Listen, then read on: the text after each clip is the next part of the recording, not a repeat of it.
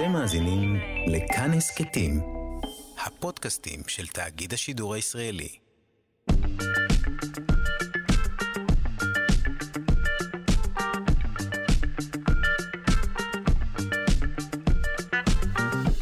שלושה שיודעים.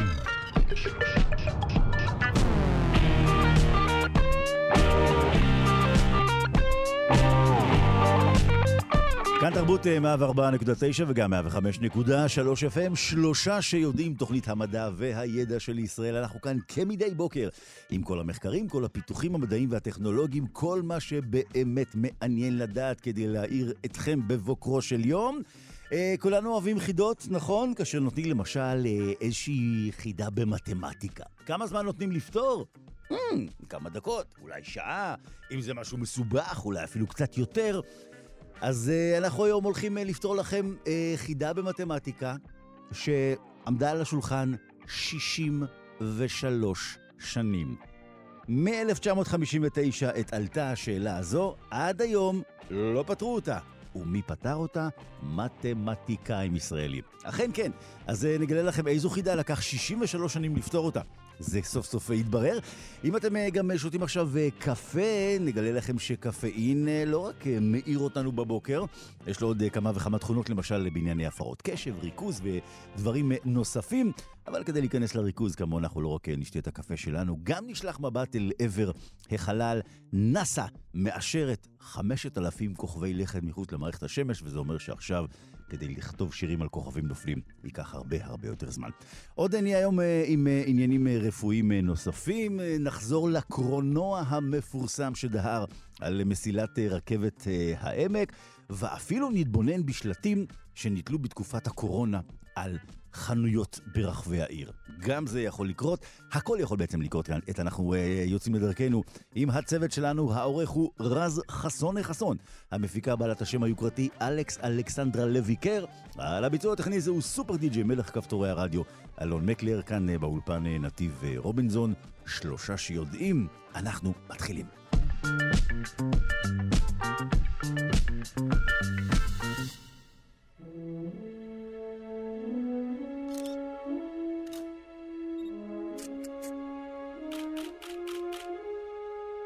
כמה טוב לפתוח את הבוקר עם מבט למעלה לחלל, שם הכל עדיין רגוע. אה, עד לא מזמן אה, חיינו ביקום שבו רק מספר קטן של כוכבי לכת ידועים שכולם מקיפים את השמש, אבל מספר גדול מאוד של תגליות חדשות מציין שיא מדעי. יותר מחמשת אלפים כוכבי לכת שקיומם אושר מעבר למערכת השמש שלנו. אה, ואנחנו רוצים עכשיו לדבר אה, על המספר הזה, אה, כי ב-21 במרס נוסף המקבץ האחרון של 65 כוכבי לכת נוספים, וכך הגענו לארכיון הגדול הזה. נאמר בוקר טוב לדוקטור אביב אופיר, אסטרונום, מדען סגל במכון ויצמן למדע. בוקר טוב אביב. בוקר טוב נתיב. חמשת אלפים זה מספר עגול ויפה. אנחנו יכולים להיות מה שנקרא, לא להיות ספקנים, אבל בטוחים יש לנו? כן, כן, כן. המספר הזה אל, זה אלו כוכבי הלכת שעברו את כל תהליכי האישור והם בסבירות מאוד גבוהה אכן כוכבי לכת אמיתיים. יש עוד מועמדים רבים שנמצאים ככה, מה שנקרא, בצינור, מחכים לתהליכי אישור. בוועדת הקבלה, אתה אומר. כן, כן, כן, זה לא פשוט, זה מועדון יוקרתי. מה צריך לעשות כוכב אה, כדי להתקבל למועדון היוקרתי הזה? אה, קודם כל כוכב צריך שיהיו לו כוכבי לכת, אנחנו מדברים על כוכבי לכת פלנטות, אה, אז אה, צריך, יש כמה דרכים שאנחנו יכולים לאשר כוכב לכת. אה, הדרך העיקרית היא המועדפת, היא לגלות ממש עדות לכך שיש שם גוף קטן, למדוד את המסה שלו. וזה קשה, וזה עדיף, כי זו עדות חד-ערכית ובלתי משתמעת לשתי פנים. האפשרות השנייה והעדיפה פחות, אבל לפעמים נאלצים להשתמש בה, היא להוכיח שאין אפשרות אחרת. כלומר, לא, לא על דרך החיוב, אלא על דרך השלילה. להראות שכל האפשרויות האחרים, כל האפשרויות האחרות, המתחזים, הדברים בטבע שיכולים לעשות כמו, הם לא אפשריים. אה, ואז אתה נשאר, אה, כמו שאמר אה, החוקר דוקטור ווטסון, mm-hmm. מה הוא אמר? אחרי שפסד את כל האפשרויות הבלתי אפשריות, כל כן. מה שנשאר, כמה שלא הגיוני, חייב להיות נכון. זה משפט נהדר, אפשר להשתמש בו להרבה תחומי חיים, דרך אגב. נכון, נכון. אלימינציה היא... כן, נהדרת.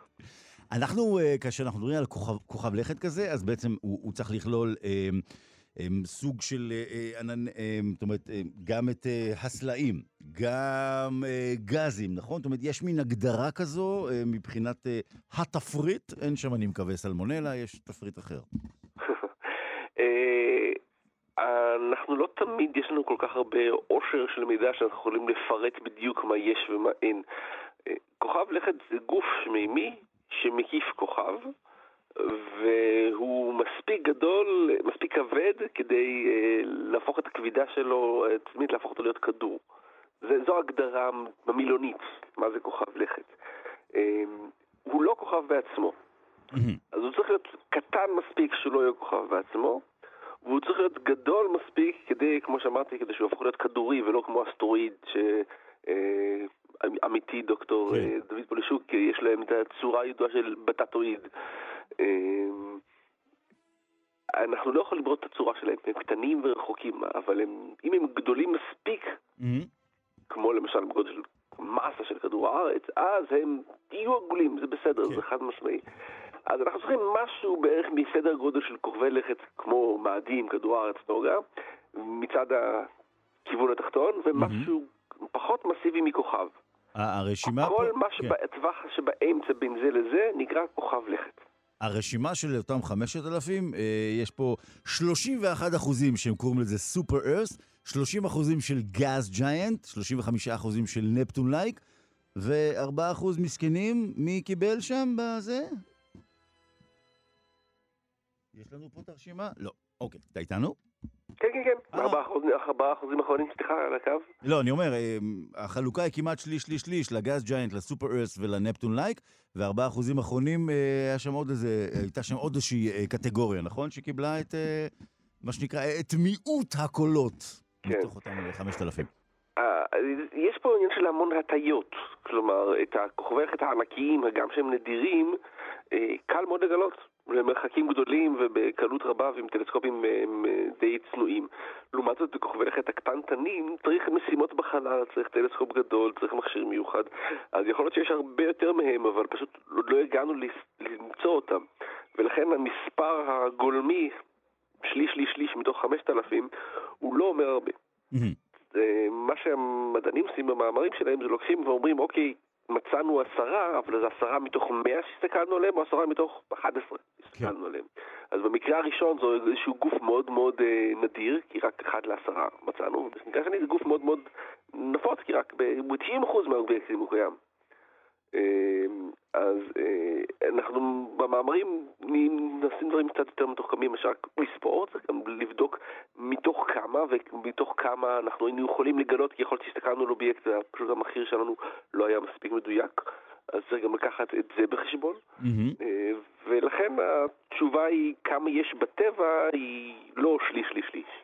אלא התשובה היא שיש בטבע מעט כוכבי לכת ענקיים, mm-hmm. והרבה יותר כוכבי לכת בינוניים, והמון כוכבי לכת קטנטנים. זאת אומרת, זה שאותם 5,000 מחולקים שליש, שליש, שליש, זה כמובן לא, לא יאמר על דברים אחרים. אני רוצה לשאול אותך, בתחילת שנות ה-90 בעצם, אה, מה שנקרא, אה, החלו אה, אה, למפות אותם, או איך שנקרא לזה, לרשום אותם, גילו אותם. אה, הייתה איזו הערכה כמה יש? זאת אומרת, היה... המדענים, אז הייתה להם איזושהי השערה על לאיזה כיוון הולכים? זאת אומרת, אם היית אומר להם אז 5,000 אה, בשנת 2022, הם היו קונים את זה? היו נופלים מהכיסא? הם היו פשוט עולצים ושמחים עד עמקי נשמתם, כי זה מספר באמת גדול ומדהים. אה, שתבין, בתחילת הדרך התשובה הייתה, השאלה הייתה, האם יש כוכבי לכת מחוץ למערכת השמש. כלומר, התשובה הייתה יכולה להיות אפס. אנחנו, צורת החיים הידועה היחידה, אנחנו כוונה כדור הארץ. מקום החיים היחיד המוכר למדע. Mm-hmm. ואז של שאלה למה? ואחת התשובות, היא תשובה שיש אנשים שדוגלים בה, לא אני, אבל יש, היא שאנחנו מקום מיוחד. Mm. ואם אנחנו מקום מיוחד, יכול להיות שהמקומות האחרים הם פשוט לא טובים. אביב, האם אתה מתנגד ולכן אין עוד כוכבי לכת. אה, וזה שגילו עוד כוכבי לכת זה כמובן כחלק מתוך אה, מהפכה מאוד גדולה שהתחילה עוד לפני 400 שנה על ידי קופרניקוס, שאמר שאנחנו לא מיוחדים, העולם לא סובב סביבנו, אלא אנחנו סובבים, סביב כוכב, והכוכב הזה הוא כוכב אחד מיני רבים. אז אנחנו פלנטה אחת מיני המון המון פלנטות, אלפים ומיליונים ומיליארדים. אה, חלקן יהיו הפלנטות טובות לחיים, רובן לא. אמ, ואנחנו פשוט עכשיו רק לומדים לגלות ולמצוא טכנולוגית איך למצוא את זה. זה לא זה שהיה קודם, פשוט לא הייתה לנו את הדרך הטכנולוגית להוכיח את זה. זאת אומרת, רוב, רוב הסיכויים שעכשיו באיזושהי פלנטה רחוקה אה, ישנה איזה תוכנית רדיו, יושבים אה, שניים ומקשקשים ואומרים, תשמע, אה, גמרנו לספור, אולי יום אחד נמצא חיים כמו אצלנו. Mm-hmm. הם שם חושבים על זה. אני רוצה לשאול אותך לסיום, המקבץ האחרון שפורסם ב-21 במרס אה, היה של 65 כוכבי לכת. זאת אומרת, זה ממש נוסף במנות קטנות כאלה, כן? כל פעם כזה, טיק, נכון? 65 זה המון, מה זאת אומרת? לא, מתוך 5,000 הכוונה כאילו, כן. מדווחים עליהם אחד-אחד. או, או, אה, ורק ב-21 במרס חשפו אותם. אני בתחילת הקריירה שלי ידעתי את שמו הפרטי וכתובתו ומספר הטלפון, זה מחאות, של כל כוכב לכת וכוכב לכת. כי פשוט הם היו חשובים ובודדים, כי זה היה ה-20, ה-21, ה-22 וכן הלאה. אה, עכשיו זה, אף אחד לא מבדיל בין ה-5003 ו-5006. אלא אם כן זה כוכב לכת מיוחד. ומנסים באמת למצוא ולנסות לאפיין במה כוכב לכת אחד הוא במיוחד, למה הוא יכול ללמד אותנו משהו אה, שכוכבי לכת אחרים לא, אה, ומנסים להגיד, אוקיי, ולכן, מכיוון שיש לי עכשיו רשימה של 5,000 כוכבי לכת ורק טלסקופ אחד, על איזה מהם אני הולך לצפות כדי לדעת עוד. ולכן mm-hmm. חשוב להבין, האם האם יש משהו מיוחד באותו כוכב לכת, לכת כדי שאני אוכל כן. לצפות עליו או לא, או שאני אבוא לכוכב לכת הבא. אז רק סקרנות אחרונה, אה, אה, הם מקבלים שמות או הם רק במספרים, מה שנקרא? גם וגם. גם וגם. אוקיי, אז אנחנו, אתה יודע, לך תזכור 5,000 שמות, בכל זאת תן להם גם מספרים, יהיה לנו נוח. דוקטור אביב אופיר, אסטרונום, מדען סגל במכון ויצמן למדע, על ציון הדרך המדהים הזה. 5,000 כוכבי לכת מחוץ למערכת השמש. אנחנו רוצים לומר לך תודה רבה על השיחה הזאת שקיימנו כאן בתוך מערכת השמש. תודה. Thank you.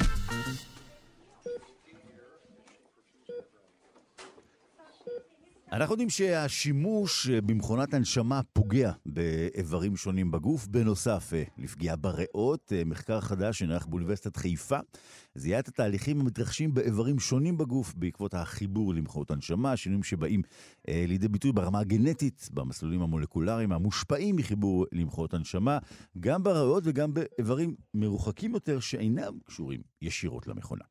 נאמר בוקר טוב לדוקטור יהודית סומך, עורכת המחקר מהחוג למערכות מידע באוניברסיטת חיפה. בוקר טוב, יהודית. בוקר טוב. אז אנחנו, אה, הריאות נפגעות ידענו, עכשיו אנחנו ממש מדברים על אזורים פריפריאליים, רחוקים. אתם ממש בדקתם אזורים, דגמתם אזורים מסוימים, נכון? Uh, כן, אז בעצם uh, מכונות הנשמה הם uh, uh, טיפול מציל חיים uh, עבור uh, חולים אה, שבלעדיו הם אה, פשוט ימותו, או חולים עם אה, אי ספיקה ריאתית, שבעצם הריאות לא מספקות מספיק חמצן לאיברים בגוף. Mm-hmm. ועל אף ההשפעות המרפאות של מכונות ההנשמה, שהן חשובות, וכמו שאמרתי, מצילות חיים, ידוע גם שמכונות הנשמה קשורות עם סיבוכים. ידוע שהן יכולות להגביר דלקת ריאות ופציעה בריאות, והתהליך הזה אף יכול להאריך את הזמן על, במכונות ההנשמה, וזה אף יכול לגרום למוות. אה, וכמו שאנחנו יודעים, בתקופת הקורונה היה שימוש אה, נרחב mm-hmm. במכונות הנשמה, ובעצם השאלה של השימוש במכונות הפכה לשאלה מרכזית. אז כבד, רקמת שומן, אור, נכון? שריר? כן, אז, אז בעצם לפי מחקרים אחרים לפנינו, ידוע שיש השפעות למכונות הנשמה לא רק על הריאות. עיקר המחקר באמת עסק אה, בריאות, אבל אה, אה, היו מחקרים שהראו שאנשים תחת מכונות הנשמה, המכונה עצמה עם הזמן יכולה לגרום לקריסה בכליות ואפילו לקריסת מערכות כללית, mm-hmm. אבל המנגנונים שמביאים לזה הם לא, לא כל כך ידועים. יש כל מיני השערות למה זה קורה, אבל אה, לא ידוע, ואנחנו בעצם אה, רצינו לחקור, רצינו אה, לאפיין את המנגנונים במערכות התאיות בגוף, באיברים שהם לא ישירים כמו הריאות, mm-hmm. שאליהם המכשיר מחובר, אלא איברים מרוחקים, אפילו תאי שומן.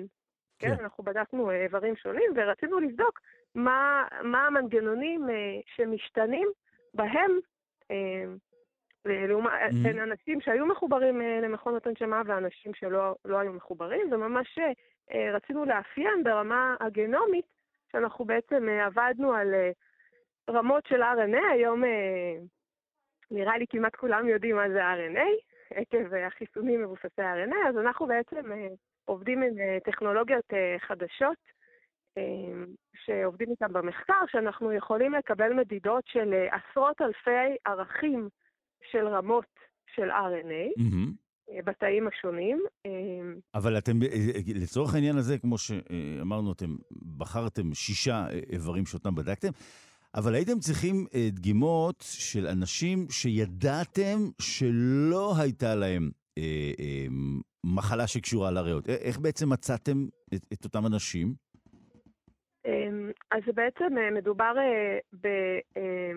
אה, נתונים, המחקר הוא מחקר בתחום הביג דאטה, בתחום הרפואה. Mm-hmm. בעצם אה, זה בסיס נתונים אה, מאוד מאוד ייחודי בעולם, יש אחד כזה, הוא נקרא GTEX. כן.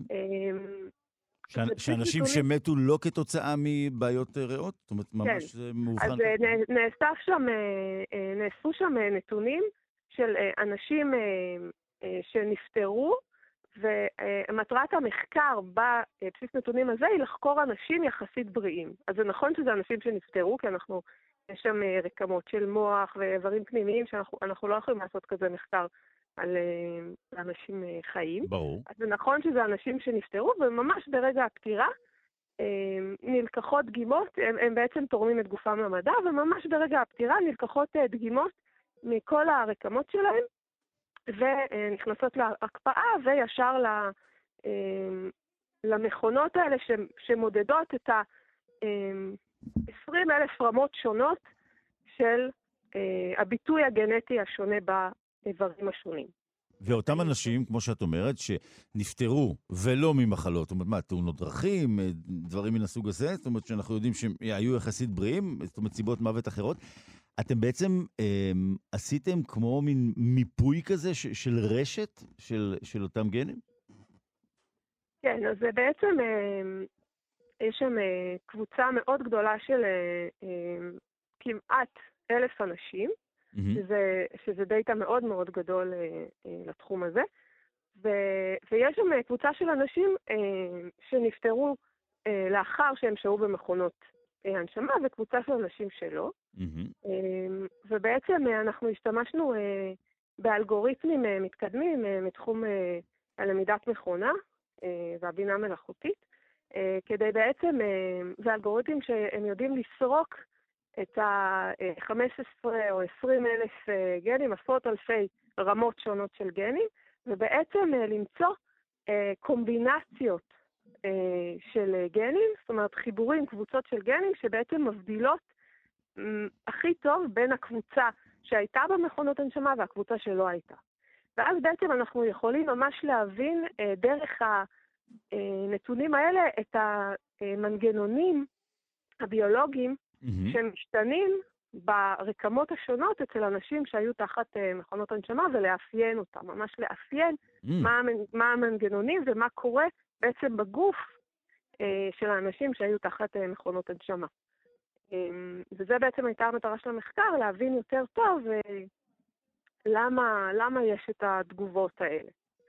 אה, אני רוצה לציין שאנחנו רואים תגובות ושינויים שקשורים גם באופן ישיר למכונות הנשמה, אבל גם קשורים לכל התופעה הזאת של החיבור למכונת הנשמה, שזה השהייה בבית חולים, חשיפה לבקטריות, חוסר תנועה. Mm-hmm. אנחנו רואים מסלולים אה, ביולוגיים, נניח אה, חקרנו אה, רקמות כמו שריר, כבד, תאי שומן, תאי עור, תאי עצב, וראינו בעצם שינויים בכל הרקמות, ו- וחלק מהשינויים הם, אה, הם יותר ברורים, כמו למשל בשריר אנחנו רואים אה, הפסקה של התפתחות ותנועה. אבל זה גם כי האדם אה, הרי שוכב במיטה. נכון, נכון. זה יכול גם נכון. קשור לזה בעצם. נכון. אנחנו לא, לא יכולים אה, אה, בעצם להפריד ולהגיד זה, אה, שהמסלולים שאנחנו רואים הם, אה, הם רק בגלל החיבור למכונה. הם, הם קשורים לכל המהלך הזה של החיבור, שזה חוסר תנועה, התרופות שמקבלים בזמן השימוש במכונת ההנשמה, השהייה בבית חולים, החשיפה לבקטריות. זאת אומרת, אנחנו לא יודעים להגיד בדיוק ממה, אבל כל התהליך הזה של החיבור למכונת הנשמה, חוסר התנועה וה, והשהייה אה, משפיע. אותם נתונים שכרגע אה, הצלחתם, אה, מה שנקרא, להרכיב את אותן רשתות של גנים, אנחנו יכולים היום סוף סוף להבין את התשובה, הרי שבעצם למה מכונת ההנשמה עושה את זה? אנחנו יכולים לשים את האצבע על סיבה, מה שנקרא, את מי להאשים סופית?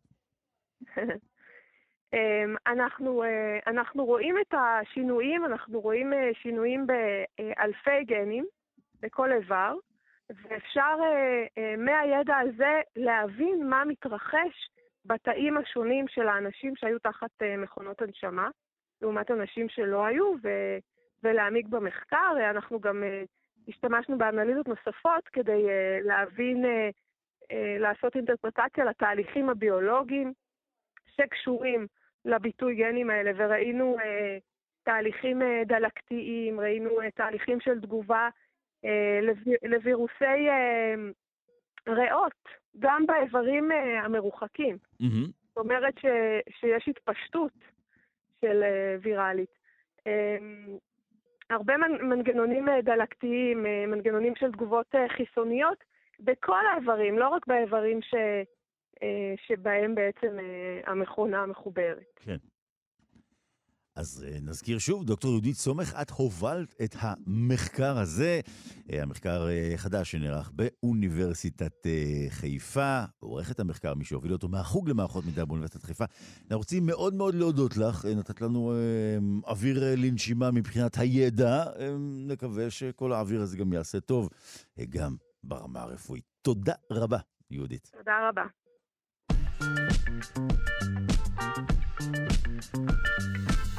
כאן תרבות אה, שלושה שיודעים.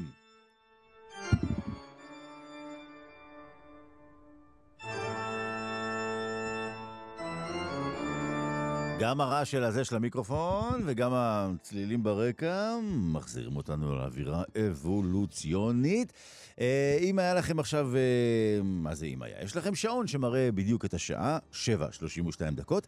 אבל אם היה לכם שעון מולקולרי, הוא לא היה מראה לכם את השעה, הוא היה מראה לכם משהו אחר לחלוטין. נאמר אה, בוקר טוב לפרופסור אריאל צ'יפמן, חבר המחלקה לאקולוגיה, אבולוציה והתנהגות באוניברסיטה העברית. בוקר טוב, אריאל. בוקר טוב. בשבוע שעבר דיברנו על האב הקדמון, אה, ככה סחנו אודותיו, והיום, בעזרת השעון המולקולרי, אה, נוכל מה שנקרא לעשות סוג של המשך הבנה של התחום, נכון? נכון, אנחנו יכולים לנסות למצוא מתי חי אותו אב קדום, אה, והמקור, השורש של כל רעיון השונים המולקולריים בערך בשנות ה-70, כלומר לפני בערך 50 שנה, mm-hmm. כשחוקרים התחילו לראשונה להסתכל על מבנה של חלבונים ועל הרצף של היחידות שמרכיבות אותן, חומצות האמינו, mm-hmm. יחידות הבסיס של חלבונים. והם ריצפו או זיהו את הרצף של חומצות האמינו בחלבונים של כמה מינים שונים.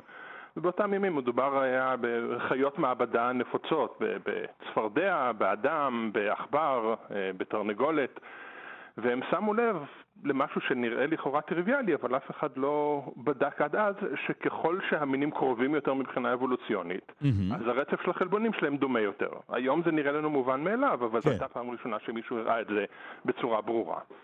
ויותר מזה, אם סופרים את מספר ההבדלים בין רצף החלבון בין נגיד עכבר ואדם, mm-hmm. ומשווים את זה למספר ההבדלים בין עכבר לתרנגולת, אז היחס בין מספר ההבדלים קשור ליחס, קשור למרחק האבולוציוני בין המינים. כלומר, אפשר לזהות את המרחק האבולוציוני על פי מספר ההבדלים ברצף של חלבונים. אחרי שהזכרנו בשבוע שעבר באמת את אותם מאובנים, אה, העדויות שהם קיבלו בעצם מאותם מאובנים הם אלו שסייעו להם, אה, לחוקרים, כפי שאתה אומר, לפני 50 שנה, לשנות למשל את ההנחה הראשונית שהייתה להם אה, מבחינת ה-DNA? אז בשלב הזה עוד לא. בשלב הזה זה איזשהו ממצא. עכשיו אנחנו מדברים על חלבונים, ריצוף DNA הגיע רק כמה עשרות שנים מאוחר יותר, בשנות ה-70 עוד לא ידעו לרצף DNA. לרצף DNA כיום הרבה יותר קל, הרבה יותר מהיר, ואפשר להסתכל על רצפי DNA של שני מינים או של שלושה מינים, mm-hmm. ולספור או להעריך את מספר ההבדלים או את, את מידת הדמיון או ההבדל בין רצפים שונים, ומתוך זה לקשר את זה למידת הדמיון או ההבדל האבולוציוני. עכשיו, אתה הזכרת מאובנים, כן. המאובנים הם חשובים כי בשלב הראשון, כשרק עושים את ההשוואה הזו בין מספר ההבדלים או מידת ההבדל או הדמיון או השוני בין רצפים, כל מה שזה אומר לנו זה מה מידת הדמיון השוני בין הרצפים. אבל אם יש לך מאובן, שאתה יודע מה הגיל שלו, יש לך מידע גיאולוגי על מה הגיל שלו, ואתה יודע שהוא יושב באיזשהו צומת מרכזי והוא אב קדום משותף של מינים קיימים כיום, אתה יכול להשתמש בזה לקייל את הקצב של השינויים. Mm-hmm. יש לך את מספר השינויים, ויש לך את הזמן של, שלפניו, או נקודת הזמן שבה שני רצפים, שני מינים התפצלו, mm-hmm. ואתה יכול לומר, הנה, על פני החמישים מיליון שנה האלה, היו לנו נניח עשרים שינויים בהשוואה בין שני רצפים. אז אם יש לנו שני רצפים שיש ביניהם ארבעים שינויים, אנחנו יכולים להניח שהם התפצלו לפני, לפני 100 מיליון שנה. כלומר, אתה משתמש במאובנים ובמידת הדמיון או ההבדל בין רצפים שונים כדי לקבל שעון מולקולרי. זה אומר שלבעלי חיים שונים אה, יש שעון שיהיה לו קצב אחר לשעון של... או, זו שאלה מצוינת. כי בשלב הראשון, כשרק התחילו לעבוד על שעונים מולקולריים, ההנחה הייתה שהשעון המולקולרי מתקתק במרכאות בקצב קבוע. כלומר, קצב השינויים ב-DNA הוא קבוע, ולכן אפשר לעשות את ההנחה הפשטנית הזו שעשיתי לפני אה, חצי דקה, mm-hmm. שאם יש פי שתיים יותר שינויים, אז זה אומר שעבר פי שתיים יותר זמן.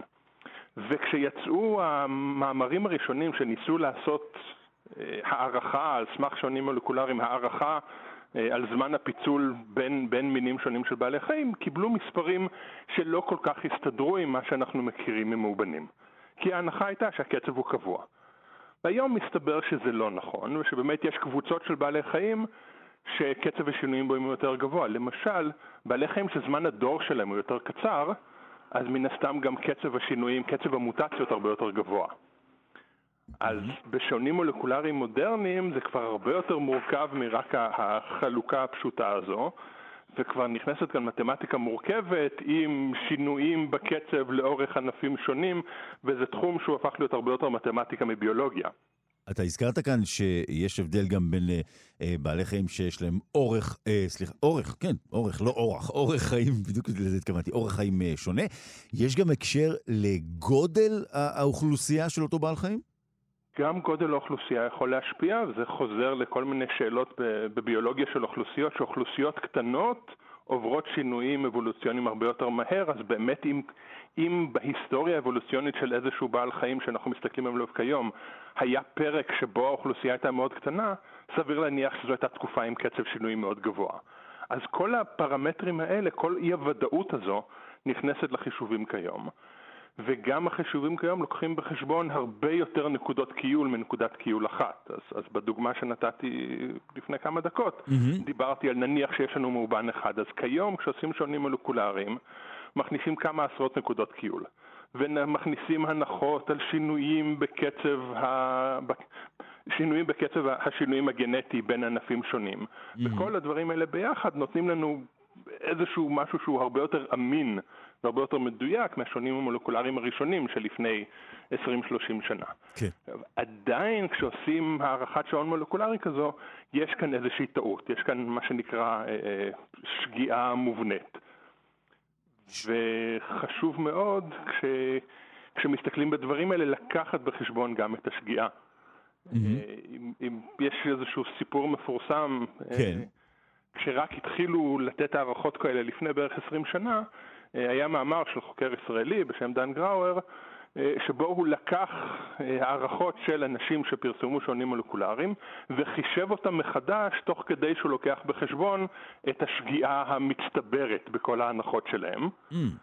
והוא הגיע לאיזושהי הערכה מטורפת, כן, שהפער, הזמן בפיצול בין דרוזופיל, הזוב הפירות, לבין האדם, הוא משהו בין שני מיליון שנה שני מיליארד שנה. כלומר, זה טווח הטעות אם מכניסים את כל הטעויות, וזה כמובן, בשביל זה לא צריך שונים מולקולריים. שני מיליון לשני מיליארד? כלומר, אם אתה לוקח בחשבון את כל וואו. הטעויות האפשריות ומכניס אותן לחישובים, mm-hmm. בעצם אתה מקבל תוצאה שלא אומרת לך כלום. כן. כי טווח הטעות הוא יותר גדול מהמספרים שאתה, שאתה בוחן. Mm-hmm. ולכן, זה היה לפני 20 שנה, לכן כיום, אמרתי, מכניסים את כל הטעויות, את כל הטעות האפשרית לתוך החישוב, אה, כך שמקבלים משהו שהוא, שטווח הטעות הרבה יותר צר. אתה יודע, בכל אה, שיחותינו, אתה יודע, אנחנו תמיד אה, מגיעים באמת, הזכרת כאן שזה התחיל לפני 50 שנה, ואז, מהרגע שהתחילו לרצף DNA ויכלו לבחון את זה אחרת, מהבחינה הזאת, כשיש לנו כבר היום את היכולת, אנחנו מתייחסים בכלל לכל המושג הזה של שעון מולקולרי, כפי שהוגדר לפני 50 שנה, בצורה שונה לחלוטין? זאת אומרת, העובדה שאפשר לרצף DNA שינתה את זה באופן מהותי?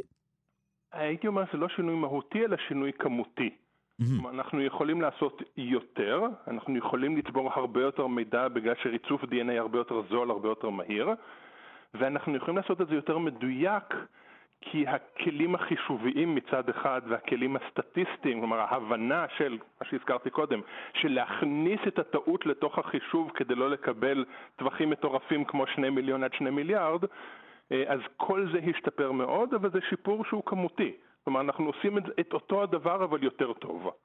אז השינוי כאן הוא לא, אין כאן שינוי תפיסתי, הרעיון התפיסתי הוא אותו רעיון שעלה ב- לפני 50 שנה. כן. אבל הכלים המתמטיים והחישוביים השתפרו מאוד. הנה, אז היום בעזרתך, פרופסור צ'יפמן, למדנו על שעונים מולקולריים, אה, ואנחנו, אה, כמו שאמרתי קודם, עשינו מה שנקרא המשך לשיחתנו על אבות הקדמונים, ההתקדמות הזו. אה, פרופסור אוריאל צ'יפמן, חבר המחלקה לאקולוגיה, אבולוציה והתנהגות באוניברסיטה העברית, תודה רבה. בוקר טוב. להתראות, יום טוב.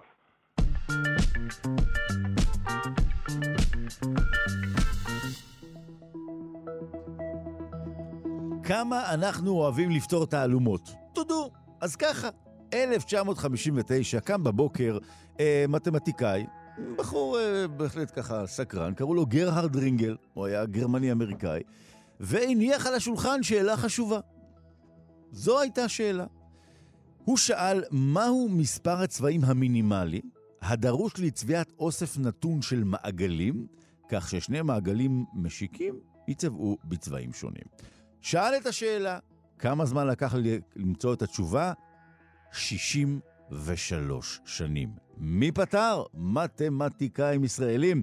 אז נאמר עכשיו אה, שלום לפרופסור שחר סמורודינסקי, מהמחלקה למתמטיקה באוניברסיטה העברית. בוקר טוב, שחר.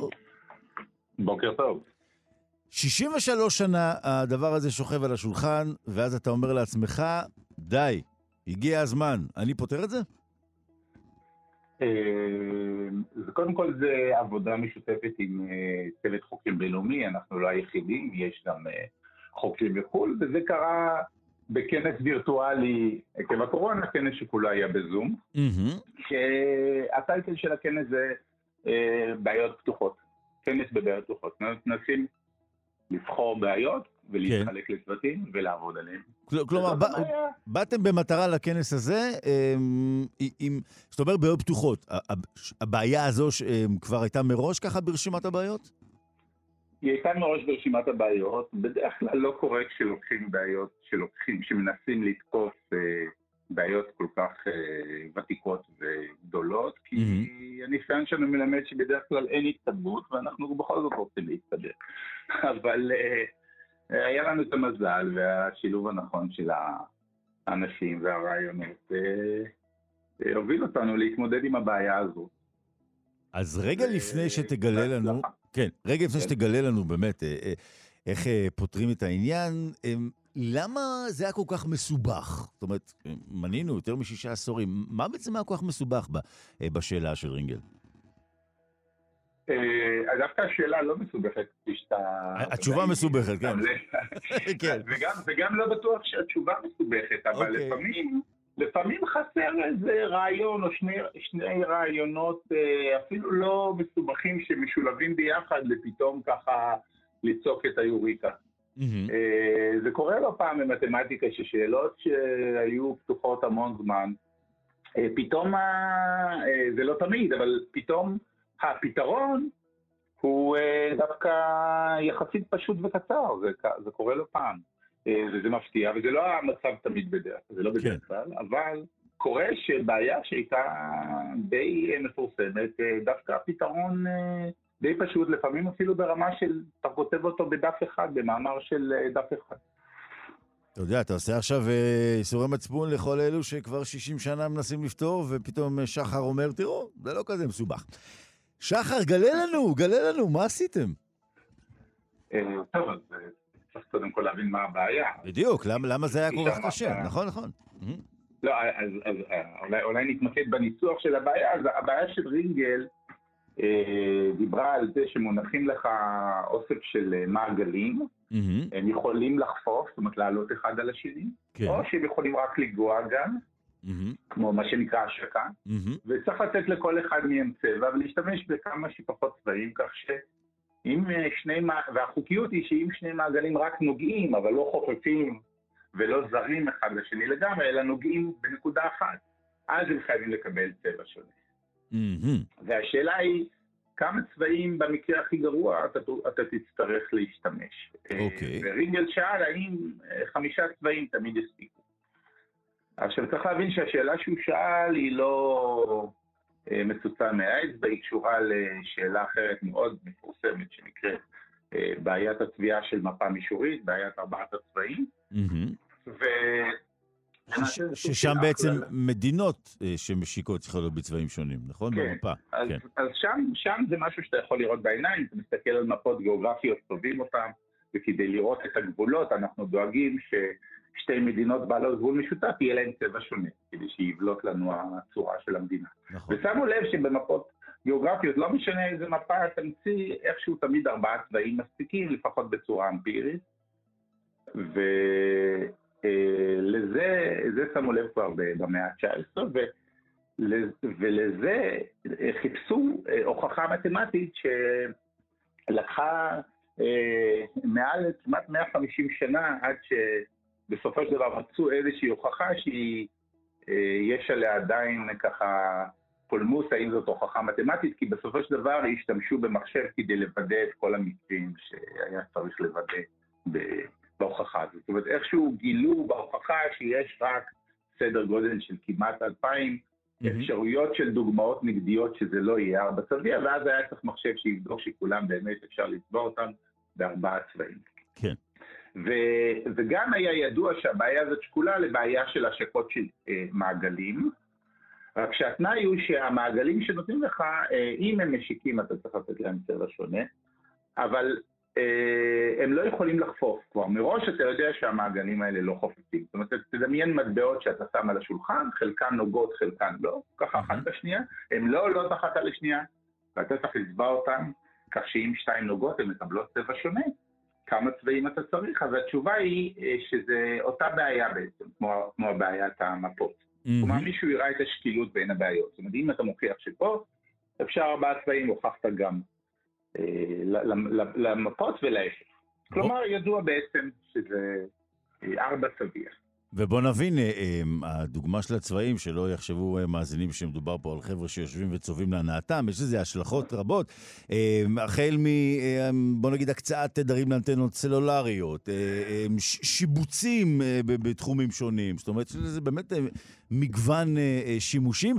אילו תחומים שילבתם אה, כדי, מה שנקרא, לרתום אותם לפתרון הבעיה? אז uh, הפתרון עצמו הוא uh, מה שאנחנו, uh, uh, שוב פעם, התשובה שלנו היא, רינגל הכליל את, את העניין הזה של ארבעה צבעים בכך שהוא אפשר לעיגולים לא להיות זרים, אלא לעלות אחד על השני, לחפוף.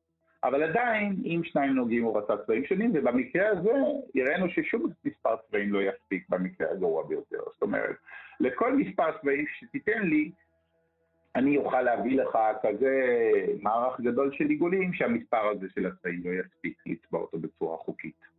ולפתרון הזה, לפתרון של הבעיה, אה, אנחנו משלבים אה, טכניקות מתורת הגרפים ומשהו שנקרא תורת רמזי.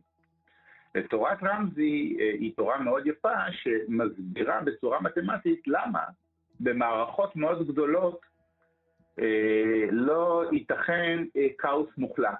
זאת אומרת, אם אתה תשרטט נקודות על המישור, או תסתכל על הכוכבים, או תסתכל על טקסט מאוד ארוך, בגלל שמדובר על כמות גדולה של אובייקטים, תמיד יש שם תבנית תת מבנה שיראה כאילו סורטט בידי יד. מכוונת, וזה עניין מתמטי. זה לא עניין, זה לא עניין אה, מגי. אז כמה, כמה צבעים בעצם אנחנו צריכים, שחר? אין סוף. זאת אומרת, אם אנחנו נשחק משחק שבו אה, אני מביא לך מעגלים ואתה צריך לצבע אותם בחוקיות שקבענו, ועל כל צבע בפלטה של הצבעים שאתה תשתמש אני אקבל דולר, אז אני יכול להרוויח כל מספר. אני, אם אני רוצה להרוויח ממך מיליארד דולר, אני אסדר שאתה תיתן מיליארד. שום, אין לך חסם על כמה שתפסיד. אה, פה הצוות אומר שאין לנו מיליארד דולר לשלם לך, שחר, אנחנו מתנצלים. זה לא יקרה, אבל... תגיד, איך היו התגובות אה, בעולם המתמטי לכך שסוף סוף זה קורה?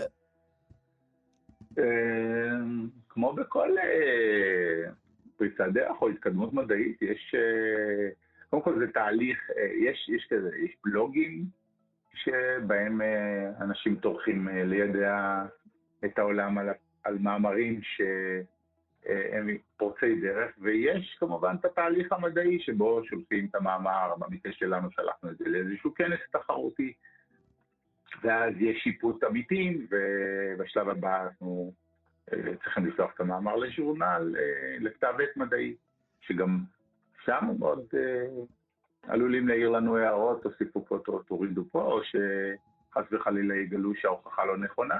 מקווה שזה לא נכון. עוכרי ישראל, שלא, שלא יעשו את זה, אנחנו לא מסכימים. אנחנו לא מסכימים, כי אנחנו רוצים לפרגן מכל הלב פרופסור שחר סמורודינסקי מהמחלקה למתמטיקה באוניברסיטת אה, בן גוריון, אה, שכאן אה, בשיתוף עם חוקרים, נזכיר, מגרמניה, מפולין, נכון? גם מקנדה כן, אפילו? כן, כן, כן, קבוצה, היה מפולין, קבוצה... ברטוש פלצ'ק, ולינדה קלייף מגרמניה, וג'יימס דייוויס מווטרלו. אז אנחנו רוצים, כן, כן, אז אנחנו רוצים להודות ב... באמצעותך לכולם, מתמטיקאים ישראלים. סוף סוף נפתרה הבעיה 63 שנים, אה, ועכשיו אה, רינגל, אה, הוא כבר לא עימנו, אבל אולי למעלה בשמיים הוא שמע את השיחה הזו. תודה רבה, שחר. ברכות. תודה לכם. תודה. תודה רבה.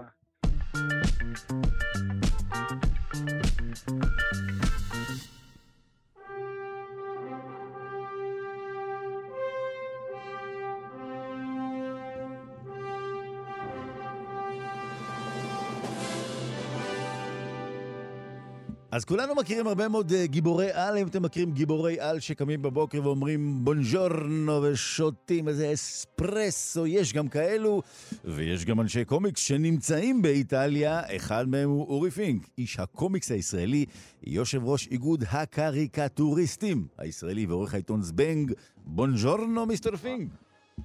אה, buongiorno, buongiorno, מה נשמע, מה שלומכם שם? תגיד, אז אתה עכשיו אה, כן. באיטליה, אתה מוצא קומיקס נכון, איטלקי נכון. ברחובות?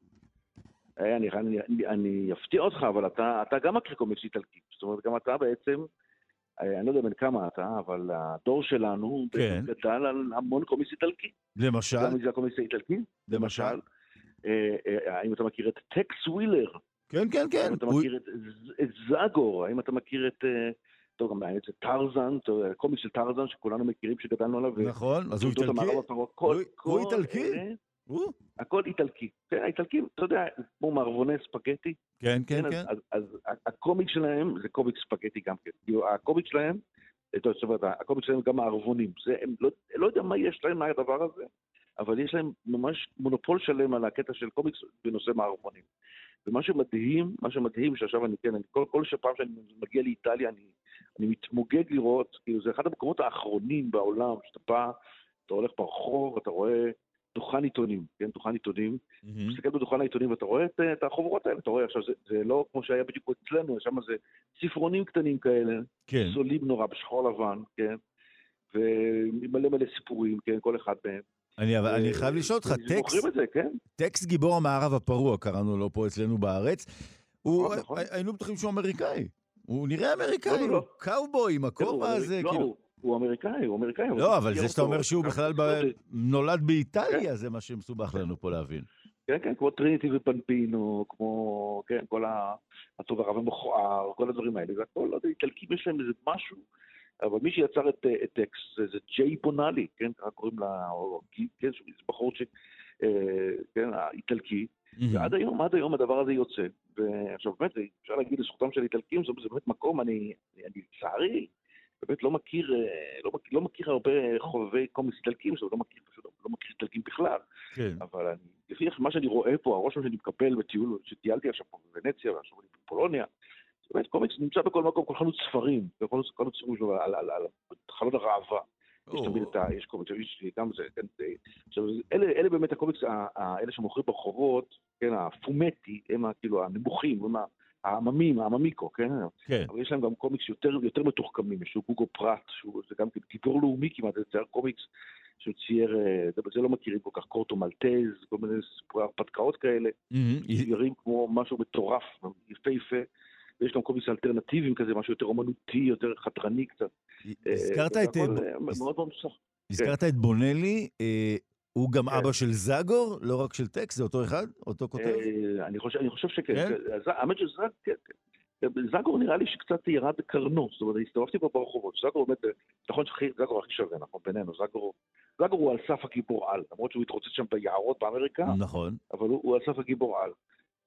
אבל הוא משום מה, לא יודע, כנראה, תראה, אבל כי זאגור נורא לא פוליטיקלי קורקט. זאגור, אם אתה קורא אותו היום, יש שם את הדמות של צ'יקו, שזה הכל בדיחות על שוק, כמה שהוא שמן, שהוא מקסיקני טיפש, כל מיני דברים כאלה שנראה לי שקצת קצת אה, ערערו את מעמדו של... כן, הם שם אה, אבל יש- עושים ממנו צחוק, נו, בחייך. זה... כן, כן, זה בדיוק, זה לא לילה. כן, כן, כן. ויש דבר מעניין עוד יותר, כאילו היום, אם אתה מסתכל על דווקא, עכשיו, נוסף לזה, גם אה, מאוד אוהבים את הקומיקס האמריקאי, כן? אתה רואה פה את כל הקומיקסים האמריקאים, גם DC, כן, גם מרוויל, כל הקומיקסים האמריקאים, מתורגמים לאיטלקית, מתורגמים לאיטלקית בצורה מושלמת, כן. אה, דרך אגב, אפרופו מתורגמים, נו, האם אתה מודע לקיומה של קבוצה ישראלית ש... של אוהבי טקסט וזאגו ותר... וש... ש... שקיימת, והם פשוט מדי פעם יושבים ולוקחים איזה חוברת פה מ... מ- מאיטליה, כן. אה, מכל החוברות שם, ומתרגמים אותה לעברית. מה? כן, אז אם מישהו, כן, מתרגמים אותה לעברית? עד היום, כן, עד היום. מה זה, זה עד כן. אה, בטח הם... אה. אה, בטח הם כבר בעשור החמישי או השישי לחייהם, לא? נכון, נכון, בטוח. כן, כן, כן, מן הסתם, אנחנו כן, מדברים על ו- כן, חוברות שחבר שלנו, חבר ה-70's קבוצה, כאן בארץ, כן, ה-80's גם כן. כן, אז זה מעניין לקרוא את זה, באמת, את הדבר הזה. אבל אפרופו מה שקורה היום בחובות קומיקס אמריקאיות, משום מה האיטלקים, כנראה שהם משהו גנטי שהם הם יודעים לצייר נורא יפה, כן? בוא נגיד ככה, הם מציירים ממש טוב, כל ה... להם יכולות רישום מאוד מדהימות. והאמת, אם אתה פותח היום חוברות של DC ומרוויל, סתם, כן, סופרמן, אה, לא יודע, אקסמן בעיקר. אתה רואה שמי שמצייר אותם היום, זה חבר'ה איטלקים. חבר'ה איטלקים, אתה קורא כל מיני, אני לא, לא זוכר בדיוק את השמות, אבל יש איזה מין תופעה כזאת שהאמריקאים באו ומעסיקים אנשים באיטליה, שמע, אז... מציירים אה, את חבר'ה האמריקאים. אז אה, כל לסיום. לסיום שיחתנו, אני יכול לומר לך שטוב שטסת לאיטליה, כי הנה היום אה, הסברנו לכל מי שחושב שהחבר'ה האלה הם אמריקאים לגמרי. אה, חבר'ה, האיטלקים קמים בבוקר, שותים עם אה, אורי את האספרסו שלהם ומציירים קומיקס. אה, אורי פינק, איש הקומיקס של ישראל, יושב ראש איגוד הקריקטוריסטים. תגיד, איך אומרים קריקטוריסטים באיטלקית?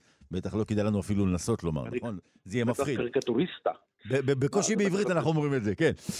נזכיר, עורך העיתון זבנג, כמובן, כן. יש כבר מילה מגניבה לקומיקס באיטלקית, הם קוראים לזה פומטי. פונטי, אה, פונטי. אז- אוי, זה אה, רגע, אבל פשוט. נגמר לנו הזמן, אז אה, אני אומר לך תודה. רבה, טוב. ואריבדרצ'י, אורי. תודה רבה. ארי ולרצ'י.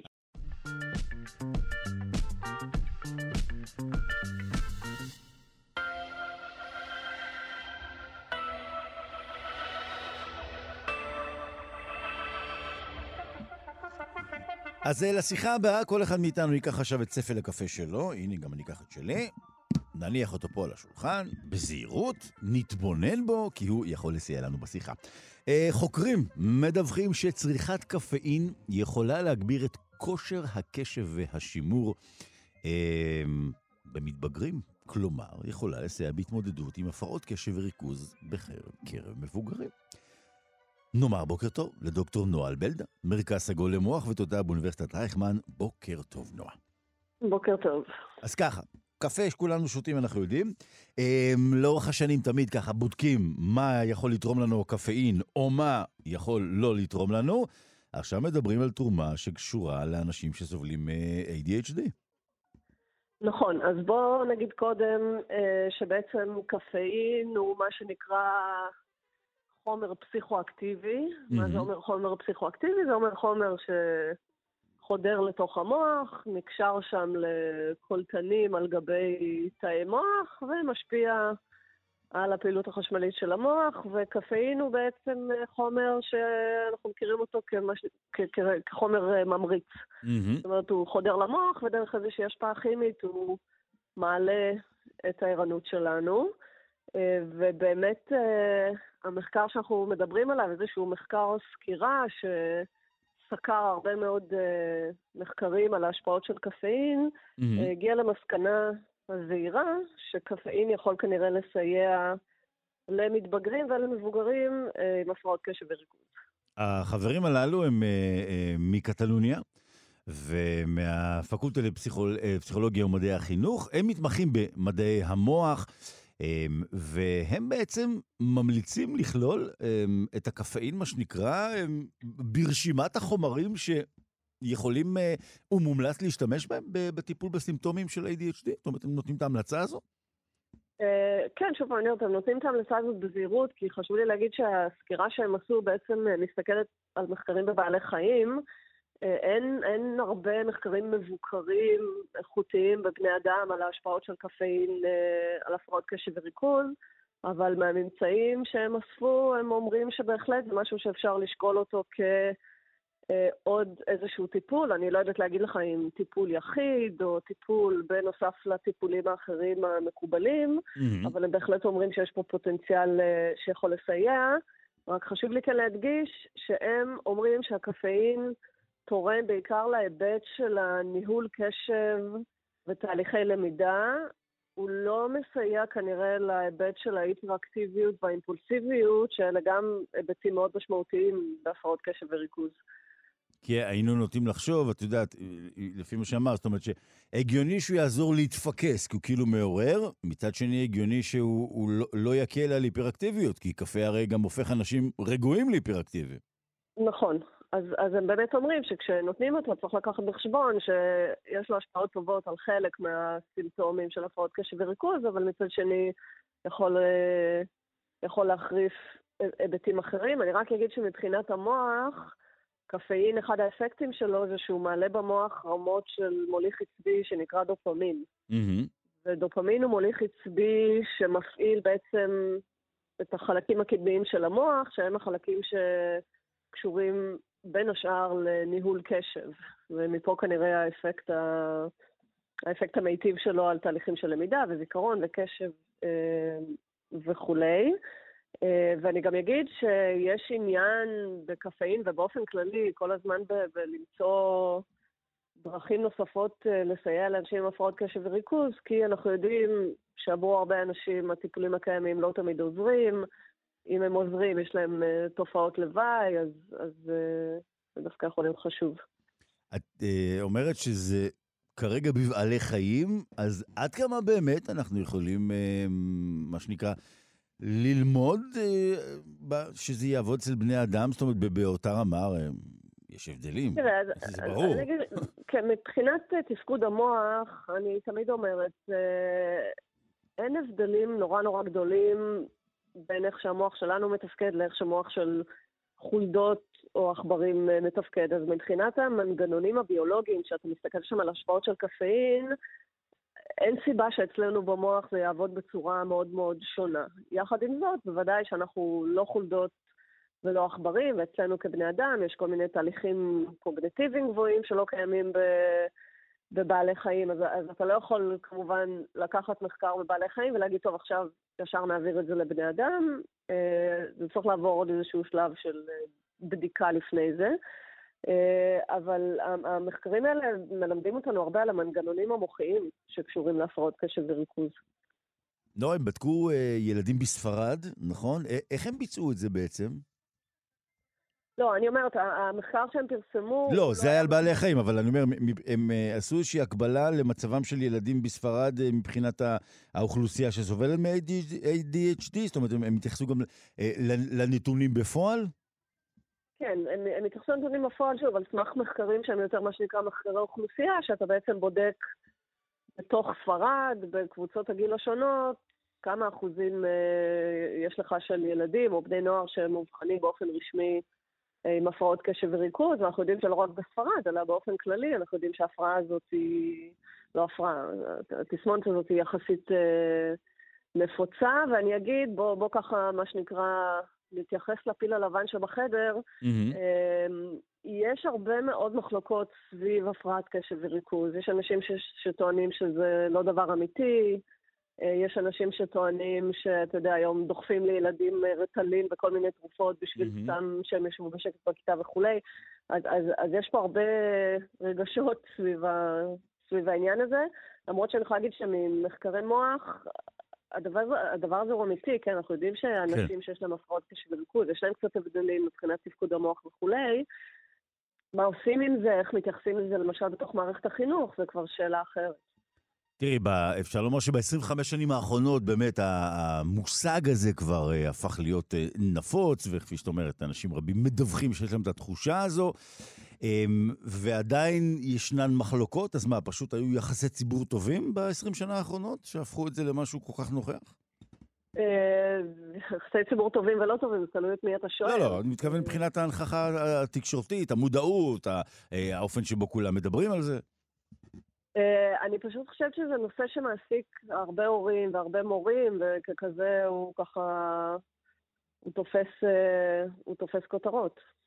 כי פעם, אה, כמו שאנחנו אומרים, יש משפט ידוע שאנשים אומרים, וואי, אם, אם שאני הייתי ילד היו יודעים לאבחן את זה, אז היו מטפלים בי ככה וככה. זאת אומרת, אנשים מכים על חטא שפעם זה לא היה מאובחן. זאת אומרת, אנשים, גם שלא מאובחנים, נושאים בעצמם את התחושה שיש להם את זה. נכון, ואנחנו יודעים שמדברים על זה שפעם הילדים האלה שכנראה היום היו מקבלים את ההבחנה הזאת של הפרעות קשב וריכוז, אז פעם, סליחה על השפה, כן, זה מאוד לא פוליטיקלי קורקט, אבל היו אומרים ילדים אה, מופרעים, ילדים mm-hmm, נכון, נכון, נכון. בעייתיים וכולי. אמ, ואני מכירה באמת הרבה אנשים מבוגרים שאומרים, היום אני מבין שזה מה שיש לי, ואם הייתי יודע אז, נכון. זה היה חוסך לי הרבה מאוד... Uh, הרבה מאוד סבל בחיים, ומצד שני גם אומרים שיכול להיות שזה שיש היום המון ילדים שמאובחנים עם הפרעות קשב וריכוז, אומר משהו על זה שאולי, למשל, מערכת החינוך שלנו לא בנויה בצורה הכי אידיאלית שאפשר, ואני אומרת את זה בעדינות, כן? לצפות מילדים שישבו שמונה שעות בלי לזוז וכולי, זה לא ציפייה כל כך אה, ריאלית, ויש ילדים שזה יותר קשה להם. לא, זה היה ב understatement כל כך מוסווה שלא הרגשנו. כן, כן. כן. לגמרי. טוב, אז, אה, אבל שוב, רק נאמר, אל תרוצו עכשיו לתת אה, לילדים קפה בבוקר, אה, לפני שהם הולכים לגן, לחכות, זה מחקר, יש הסברים, לא, לא לקפוץ. כמובן, לא לתרגם את זה מיד למכונת אספרסו, כי כמובן מדובר בדברים אחרים.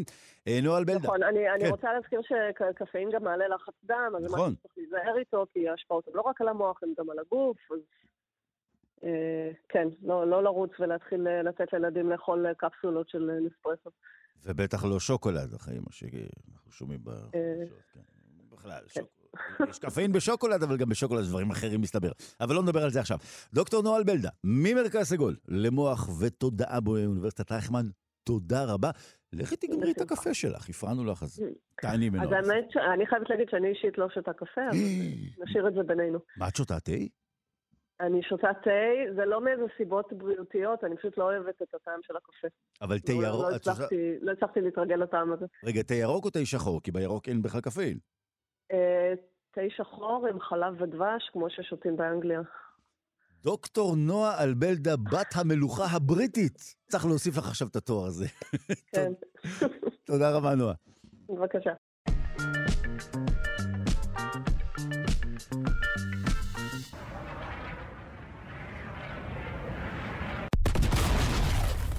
אל תיבהלו נא, הרעש לא כאן אצלנו, הוא אצלנו ברדיו, אבל עדיין לא אצלנו מעל הראש, לשמחתנו, כי מדובר עכשיו בטיל היפרסוני. אכן כן, אה, כי התקיפות הרוסיות באוקראינה הולכות ומתעצמות, אה, וברקע עולים הדיווחים על כך שהרוסים משתמשים באותם טילים מיוחדים, אה, היפרסונים לעבר מטרות באוקראינה. בחודש שעבר בוצע שימוש ראשוני של רוסיה בטיל מסוג זה. זה בעצם נחשבת התקיפה הראשונה בעולם. בטיל כזה, ואנחנו רוצים להבין מה בדיוק הדבר הזה, למה הוא כל כך מפחיד. ובעיקר מהיר. פרופסור אה, גבי סרוסי, ראש המחלקה להנדסת אלקטרואופטיקה ופטוניקה באוניברסיטת בן גוריון בנגב. בוקר טוב, גבי. בוקר טוב. אז שמע, אה, את כולנו מכירים את המושג מהירות הקול. פה מדובר במשהו שמהירות הקול אפילו לא מדגדגת אותו, נכון? מה, מה המהירות של הדבר הזה? אמת, כשאנחנו אומרים אה, מהירות הכל, אנחנו מדברים על אה, מהירות של מח אחד, זה בסביבות 1200 אה, קילומטר בשעה. Mm-hmm. במקרה הזה שאנחנו מדברים על טילים היפרסונים, אנחנו מדברים על טילים שהמהירות שלהם היא נעה בין חמישה לעשרה מח. זאת אומרת שהמהירות שלהם היא בין 6,000 ל-12,000 קילומטרים בשעה. מה זה, זה, זה, זה שלושה ארבעה קילומטר בשנייה? בדיוק, זה משהו בין, אה, כן, בין שניים לשלושה וחצי קילומטר בשנייה, זה רק אה, מה שנקרא לתת מושגים ישראלים, זה אומר שאם דבר כזה משוגר מעזה לתל אביב, הוא מגיע לתל אביב תוך 12 אה, עד 16 שניות. וואו. תגיד, הטילים האלו, שעכשיו בעצם פעם ראשונה עשו בהם שימוש הרוסים, התחילו כבר לפתח אותם בעצם לפני 50 שנה. נכון, באמת אה, מה שקרה במרוץ החימוש שהיה כל הזמן, אז אה, תמיד רצו לעשות אה, מהר יותר, גבוה יותר וחזק יותר. אז uh, חלק מהתהליך של מרוץ החימוש היה לעשות טילים שלא ניתן ליירט אותם בקלות על ידי כל אמצעי היירוט uh, הידועים, שהיו ידועים אז, והעריכו שאם יעשו את הטיל uh, שני דברים, גם גבוה יותר, גם מתמרן יותר וגם מהיר יותר, mm-hmm. אז יצליחו לחמוק מאמצעי הגנה. אבל האתגרים הטכנולוגיים של לפני 50 שנה היו כל כך גדולים, שרוב המדינות נטשו את זה, וב...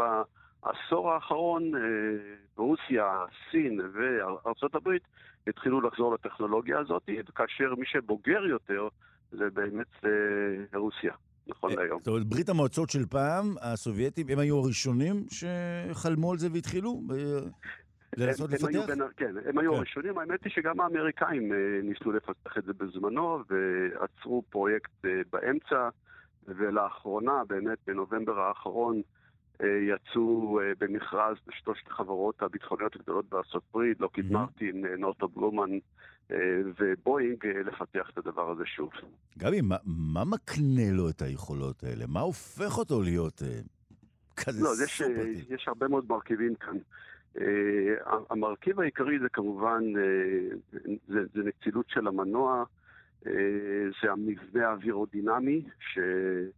מאפשר מצד אחד הפעלת מנוע אה, למשך רוב זמן הטיסה, דבר שלא קיים למשל בטילים בליסטיים, mm-hmm. שרק עולים ועושים מסלול בליסטי.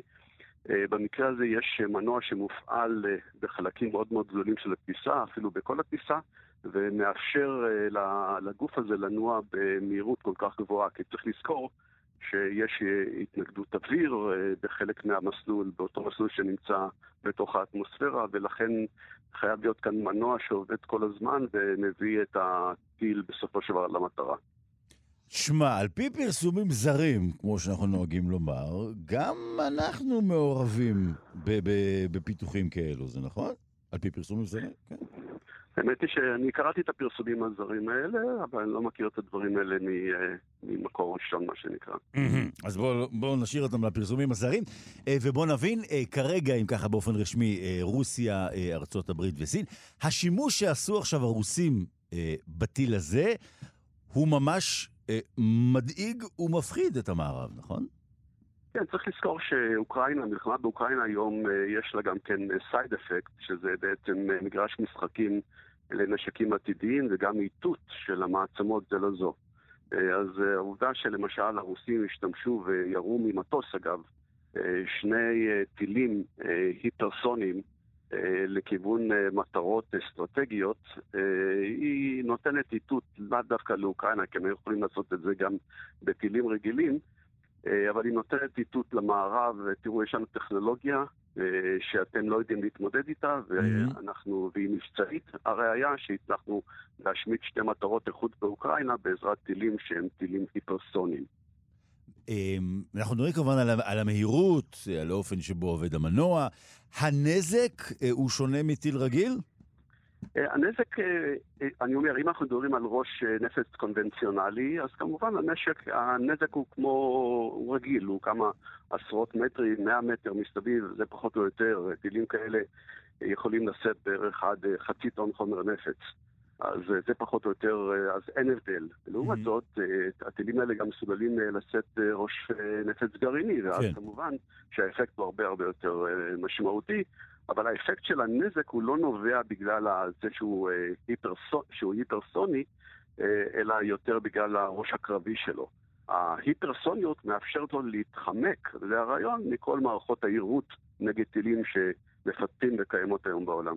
אז אה, בואו נדבר על מה אפשר לעשות אה, נגדם. זאת אומרת, הזכרנו קודם את הפרסומים הזרים, אמ, אז ישנם גם אה, עניינים על כך שהצבא שלנו והצבא האמריקאי בענייני פיתוח מערכות לייזר לעירות טילים.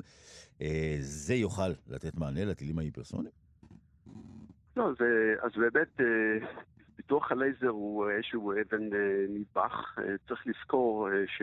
אבל מצד שני, שהלייזר הוא נשק שבסופו של דבר מחמם ומתיך את, ה, את הטיל, אה, או שובר לו את המבנה האווירודינמי, או מקלקל לו את האווירודינמיקה, ואז הוא מפרק אותו בעצם באוויר. אה, במקרה של הטילים האלה, אה, הם טילים שהם מאוד מהירים ומאוד מתמרנים, mm-hmm. וצריך באמת כאן לעשות עבודה מאוד מאוד מעמיקה, לראות אם ואיך ניתן ליירט אותם בעזרת לייזר או בכל נשק קינטי אחר. ואני מניח שהמומחים בכל המדינות יושבים על המדוכה ולומדים את הנושא הזה, אה, באמת איך לעשות את זה אה, בכל מיני צורות, בין אם זה בנשק קינטי, כמו שאמרתי, או בין אם זה בנשק לייזר. צריך לזכור שכיוון שהטילים האלה הם, אה, הם, הם היפרסונים, אז החיכוך שלהם באטמוספירה היא מאוד מאוד גבוה, והם מתחממים בעצמם לטמפרטורות מאוד מאוד גבוהות, כך ש... צריך לראות אה, כמה, אה, למשל, נשק לייזר יכול עוד אה, להוסיף על מנת לפגוע בהם. זה נתון שאני מתאר לעצמי שמקבלי החלטות לוקחים אותו בחשבון והוא די טריוויאלי. אז בעצם הטילים האלכוהוליים, מה שנקרא, מאבדים פה מיוקרתם? אה, לא לגמרי, כי עדיין יש להם מקום במקום נרחב אה, אה, להרבה מאוד דברים. כמובן, ככל שאמצעי הנגד לירות טילים הולכים ונעשים יותר ויותר משוכללים, אז ההסתברות להפיל טילים כאלה במעופם היא הרבה יותר גבוהה. אבל אנחנו יודעים שיש גם טקטיקות להתמודד עם הדברים האלה, ותמיד יהיה מפתח בתעשייה כזאת או אחרת שימצא מה שנקרא אנטי-מחיקון לדבר הבא שעשו. אז uh, מאוד יכול להיות שבקרוב, uh, נגיד האמריקאים יעשו פתאום ניסוי, ויודיעו שהם עשו ניסוי, ואי שם באוקיינוס, כדי להראות שגם להם יש, נכון? זה יהיה הגיוני. כן, בדרך כלל ככה זה עובד. האיתותים נעשים בעזרת uh, ניסויים, ניסויים בדרך כלל בתוך המדינה, או באוקיינוס, או במים שהם לא מים טריטוריאליים, וזה האיתות הטוב ביותר שהנה גם לנו יש, או גם אנחנו יכולים. ככה, ככה עובדת ההרתעה. אז אם בקרוב תפתחו את הרדיו בבוקר ותשמעו את פרופסור גבי סרוסי מתראיין, זה בטח יהיה אחרי שהאמריקאים יעשו גם כן את העניין הזה. אתה תהיה, מה שנקרא, הסמן שלנו, כך נדע. אה, פרופסור גבי סרוסי, ראש המחלקה להנדסת האלקטרואופטיקה ובוטוניקה באוניברסיטת בן גוריון בנגב, תודה רבה שיהיה לך יום היפרסוני. יום נפלא לכולם. תודה.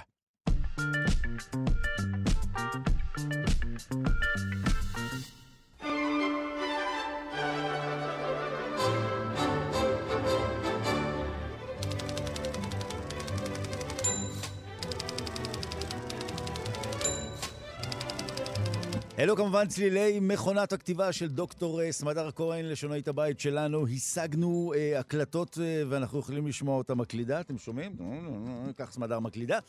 אה, אנחנו ממש אה, נכנסים מיד אה, לשבוע שאנחנו ככה קוראים לו, השבוע שבין שואה לתקומה.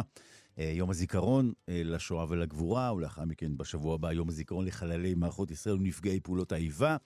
ויום העצמאות כמובן, אז נדבר היום על המושגים הללו, נאמר בוקר טוב לבעלת מכונת הכתיבה, דוקטור סמדר כהן, בוקר טוב. בוקר טוב נציב, מה שלומך? מצוין, אם תוכלי להפסיק שם להקליד על המכונה, נוכל לשמוע אותך. תשמעי, סמדר, אז ככה. אמ, אנחנו אומרים יום הזיכרון לשואה ולגבורה. אגב, אני רוצה לשאול אותך, אמ, עלה השנה דיון אם לומר יום הזיכרון לחללי מערכות ישראל ונפגעי פעולות האיבה. הבנתי שיש משפחות שכולות שרוצות שלא יאמרו אה, נפגעי, אלא חללי פעולות האיבה, נכון? גם כאן כבר החלו דיונים על המילים, אני מבין. נכון, זה דיון שכבר אה, קורה כמה וכמה וכמה שנים. אמ, באמת, אמ, אתה יודע, אנחנו הרבה פעמים מדברים בפינות שלנו על ענייני לשון, אבל אנחנו אומרים אה, שוב ושוב שלשון איננה מנותקת מפוליטיקה mm-hmm. ואיננה מנותקת מחברה. ובעניינים אה, האלה של שכול, אובדן, קשיים אומתיים כאלה ואחרים של האומה והעם, באופן טבעי נכנסים גם אה, שיקולים פוליטיים כאלה ואחרים וגם שיקולים חברתיים כאלה ואחרים, mm-hmm. ואם אה, כשהוחל חוק, החוק לנפגעי פעולות איבה, הרי, הרי נפגעי פעולות איבה הם אנשים שהביטוח הלאומי מטפל בהם, וזה בניגוד לחללי מערכות ישראל, זה משרד הביטחון, שבהם מטפל משרד הביטחון. אה, וכפי שאנחנו אה, יודעים, בארץ באמת יש הבדלים בין אה, כל מיני סוגים של פצועים, כל מיני סוגים של מתים, הרוגים, נרצחים. גם עצם השימוש הזה, הרוג, נרצח, חלל, נופל, הם, הם, הם פעלים ושמות שאנחנו כל הזמן ככה מתחבטים בהם. כשאנחנו מגיעים ליום השואה, הרבה פעמים מדברים על נספו בשואה, נהרגו בשואה, נרצחו בשואה. נכון. אמ, אה, בעצם פעלים שבמהות הם מציינים את אותה פעולה בדיוק. אדם שמת, הוא מת. אה, או כך, או כך, או כך, אבל הוא, בשורה התחתונה, בשורת התוצאה, הוא פשוט מת. אה, ובכל זאת אנחנו עושים הבחנה בין נרצח לנפל ונספה, ומדוע? כי אנחנו נותנים לזה משקלים אחרים שהם מעבר למשמעות המילונית של המילה. יש כאן באמת כבר ייחוד אה, אה, הקשר חברתי כזה או אחר, או הקשר אה, מעמדי כזה או אחר. ביום השואה אנחנו הרבה פעמים מתלבטים בשאלה האם לומר נספו בשואה או לא, עד לפני נגיד תשע, עשר שנים, באופן כן. אוטומטי זאת הייתה המילה לאלה נכון, שמתו בשואה. נכון, נספו בשואה, נכון. נכון, אבל אז יותר ויותר ניצולי שואה, שגם זה עבר שינוי בשנים האחרונות לשורדי שואה וגם לשרידי שואה, אה, שאם תרצה להרחיב על זה, אה, התחילו לפנות לכלי התקשורת ולבקש אה, שלא לומר נספו, כי נספו זה משורש סוף, שבא סופם, שאין להם המשך בעצם. כן. אבל לרבים, אבל מבחינת ניצולי השואה, דווקא ההישג הגדול הוא שלא, שהמכונה, מכונת ההשמדה הגרמנית לא הצליחה לשים להם סוף. הם הצליחו להינצל, הם הצליחו לבוא לארץ, אה, או למקומות אחרים, והצליחו להקים משפחות ודווקא ליצור המשך, mm-hmm. וכן כן. לעשות המשכיות לחייהם. אז מהבחינה הזאת, הם צודקים, ולא לגמרי נספו. אני רוצה לשאול אותך... באשר לחללי נפגעי, רק כדי להשלים, אז באמת כבר כמה וכמה שנים יש על זה דיון, בעיקר בכלי התקשורת אגב, ובעולם האמיתי. השנה אני מבינה שסוף סוף ועדת הסמלים והטקסים אה, של מדינת ישראל דנה בזה. אני לא סבורה עדיין לומר לך האם יש החלטה שהיא החלטה רשמית או לא, אבל הבנתי שכבר אה, באופן... דנים בזה, אה, כן, יש דיונים כבר. באופן עקרוני כבר, כבר מדברים על חללי פעולות האיבה גם, כן, אבל האם כן או לא זה הוחלט ברמה הרשמית, אני עדיין מבררת, מבטיחה לך בשבוע הבא תשובה על זה. אוקיי, אז אני רוצה לשאול אותך עכשיו בכלל על שם היום עצמו. אה, כמובן שבשנים עברו זה היה יום הזיכרון לחללי מערכות ישראל, נקודה. עוד לא היה את עניין פעולות האיבה. יום הזיכרון לשואה ולגבורה. אה, אנחנו כבר שנים אומרים זאת, בהתחלה זה, גם, גם כאן בהתחלה זה היה רק יום הזיכרון לשואה, ורק אחר כך נוספה הגבורה, גם כאן הייתה סוג של התפתחות? אז קודם כל בוא באמת, אה, זה שאתה אומר, אה, אנחנו אומרים יום הזיכרון לשואה ולגבורה, זה משום שאתה אה, כבר שדר ותיק, ואתה נוהג על פי מה שמקובל בחוק נגיד. את רומזת ששדרים צעירים אומרים יום השואה? אני רומזת שרוב עם ישראל אומר 아, יום אוקיי, השואה. אוקיי, אגב. גם אתה ואני בשיחה שאיננה רדיו, אני מניחה, נאמר יום השואה. אה, מדוע? כי כך הרגילו אותנו, אבל. באמת חשוב לומר שזה לא היום של השואה, אלא היום שמציין את זכר השואה, את נכון. זיכרון השואה.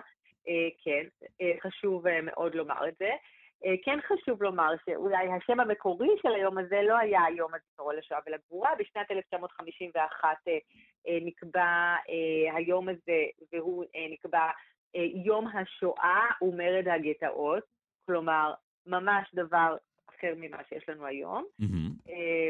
ציינו בו, בעצם כדי, לה, כדי להחליט על היום הזה, כ"ז בניסן, היה באמת דיון שלם ביישוב אה, אה, במדינת ישראל הצעירה, איך, איך מנציחים את היום הזה, אה, מתי הוא יקרה, איך יקראו לו. אה, אחד הדיונים היה באמת על המועד, המועד שרצו אה, בו אה, לקבוע את היום הזה היה אה, אה, יום אה, פרוץ מרד גטו ורשה, mm-hmm. אבל לרוע מזלו של גטו, של, של גטו ורשה והמרד בו, המרד פרץ בי"ד בניסן, י"ד בניסן זה ערב פסח. בדיוק. ולכן אי אפשר היה לקבוע ביום הזה את יום הזיכרון לשואה. לכן אמרו, טוב, אז, אז נקבע את זה באמת בין... בין פסח לבין יום הזיכרון, והיו כאן כל מיני שיקולים אחרים של אי אפשר לקרוא ליום, לעשות את היום הזה בשעה הזאת ביום הזה, כי זה חודש ניסן, וחודש ניסן על פי ההלכה הוא חודש שאסור בו לומר הספדים, ואסור תחנון, ואסור כל מיני כן. דברים אחרים.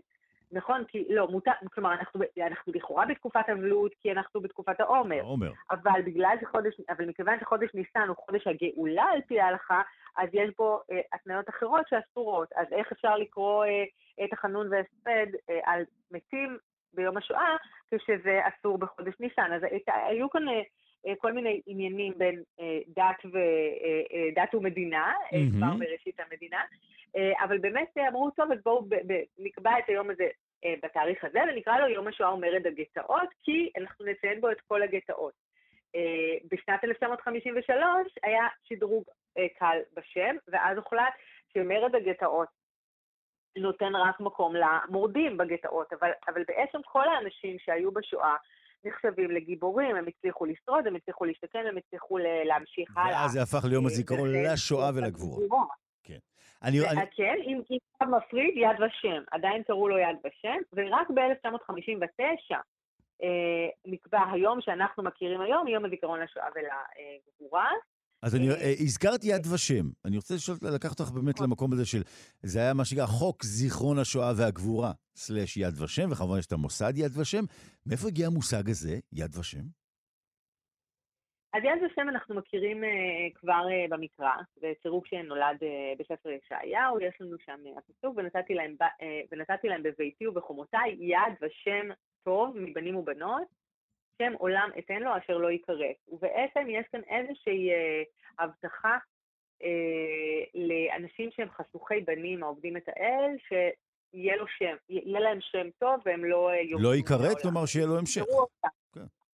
נכון, לא, יזכרו אותם למרות העובדה שלא יהיו להם בנים ש, שימשיכו לשאת שמם בעצם. אה, גם, את, גם במקומות אחרים בתנ"ך אנחנו מוצאים את המילים יד והמילים שם בהקשרים האלה של הנצחה אה, וזיכרון. אה, יד אנחנו מכירים, אגב, גם בימינו, אנחנו מכירים אה, יד אבשלום, כל מיני מקומות שהם בעצם נכון, אנדרטות, נכון? נכון? Mm-hmm. יש לנו כבר במקרא את השימוש הזה, יד אבשלום, בא לנו מן המקרא, תשמואל ב', אנחנו מוצאים, ויצב לו בחייבת מצבת אשר בעמק המלך, כי אמר, אין לי בן, בעבור הזכיר שמי, ויקרא על המצבת על שמו, ויקרא לה יד אבשלום עד היום הזה. כלומר, מי שאין לו בנים לא יכול להעמיד בנים שיישאו את שמו לזיכרון, בעצם יעמיד מצבה, אה, אנדרטה, יד, יד זיכרון. אה, ובעצם זה מה ש...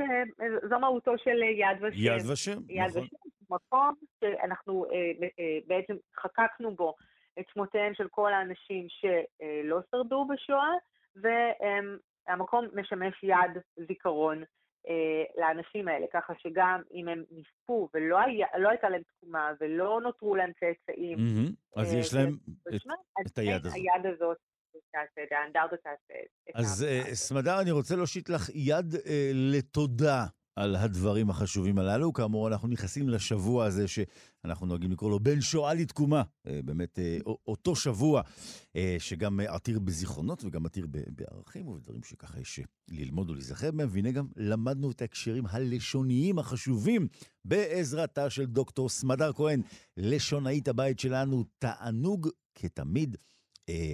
בוקר טוב, סמדר, יום מצוין. תודה רבה, גם לך.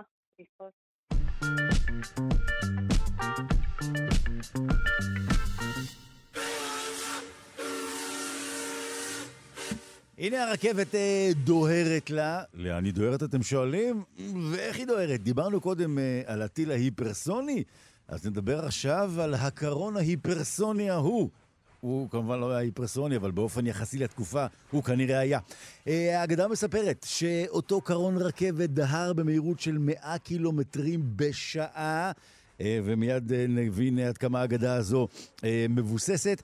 מדובר במהנדס ברוך קטינקה, זה היה לפני 104 שנים. הוא לקח מנוע של מטוס, הרכיב אותו על קרון מסע ודהר במהירות דמיונית על מסילת רכבת העמק מעפולה לחיפה. אפילו אחר כך בחזרה, וממש אה, לפני כשבועיים הוצב שחזור של הקרון הזה באתר ההיסטורי, תחנת רכבת העמק בצמח. נאמר בוקר טוב לזיו אופיר, סמנכ"ל המכללה האקדמית כנרת. בוקר טוב, זיו. בוקר טוב לנתיב ולכל המאזינים. אז שמע, אנחנו מיד נבין אה, כיצד אה, אה, אתם הגעתם אה, לעובדה שאתה ככה אה, הובלת את המהלך הזה. אה, היום בעצם תחנת רכבת העמק ההיא, ההיסטורית אה, של צמח, היא בעצם בשטח המכללה. אמ, אז תכף אה, ככה תספר לנו על השחזור, אבל קודם כל, קח אותנו לאגדה המופלאה הזו. ברוך קטינקה רתם מנוע של מטוס על קרון מסע וטס על מסילת העמק. זה מדהים. ותיקי העמק עמדו נפעמים, נכון? עמדו נפעמים לגמרי, ובוא נאמר, אם זה היה בימינו, גם אנחנו היינו עומדים נפעמים אה, לנוכח ההמצאה והרעיון המטורף. אז בוא נבין, האיש, אתן, אה, אה, איך הוא הגיע לזה בעצם? אני אתן רקע של שנייה. אוקיי. אמ, אנחנו מדברים על סוף השנה האחרונה של מלחמת העולם הראשונה בארץ ישראל, 1918. הבריטים נכנסים, הטורקים עומדים ונסוגים בעצם, מתחילים לסגת. מגיעה תגבורת של חמש, מגיעות אה, חמש טייסות גרמניות תגבור לכוחות הטורקיים. Mm-hmm. בשלב ראשון הן מוצבות בדרום, וככל שהבריטים נכנסים, אנחנו זוכרים שב-31 באוקטובר כובשים את באר שבע, הן נסוגות ומתמקמות בצפון. אנחנו נדבר כרגע על שתיים, מתמקמת אחת באזור צמח, באזור התחנה, ומתמקמת שנייה, טייסת בווארית שהגיעה מבוואריה, מתמקמת במרחביה. כן. צריך לזכור, הטייסות, בכלל המטוסים, התמקמו ליד תחנות אה, רכבת, מכיוון שכל התובלה של המטוסים הייתה על ידי רכבות. Mm-hmm. אנשי הטייסת הבווארית, אנשים גרמנים, עליזים, רצו לבלות. רצו להגיע למושבה הגרמנית בחיפה, ומה שיותר מהר לשתות בירה. כן, בדיוק. בדיוק. בואו נזכור מה זה עמק יזרעאל באותם ימים, ועמק הירדן באותם ימים. קשה מאוד להגיע. הנתיב היחיד זה בעצם היה הנתיב של רכבת העמק, מסילת צרה, שמותקפת לאורך הימים ככל שהזמן מתקדם על ידי הבריטים, ולכן צריך להגיע מהר. ובחיפה, כמו שאמרת, יש את המושבה הגרמנית, בחיפה יש ים, בחיפה יש בירה ויש בנות. והם פונים למפקדה הטורקית, העות'מאנית, ומבקשים פתרון, להגיע מהר וביעילות.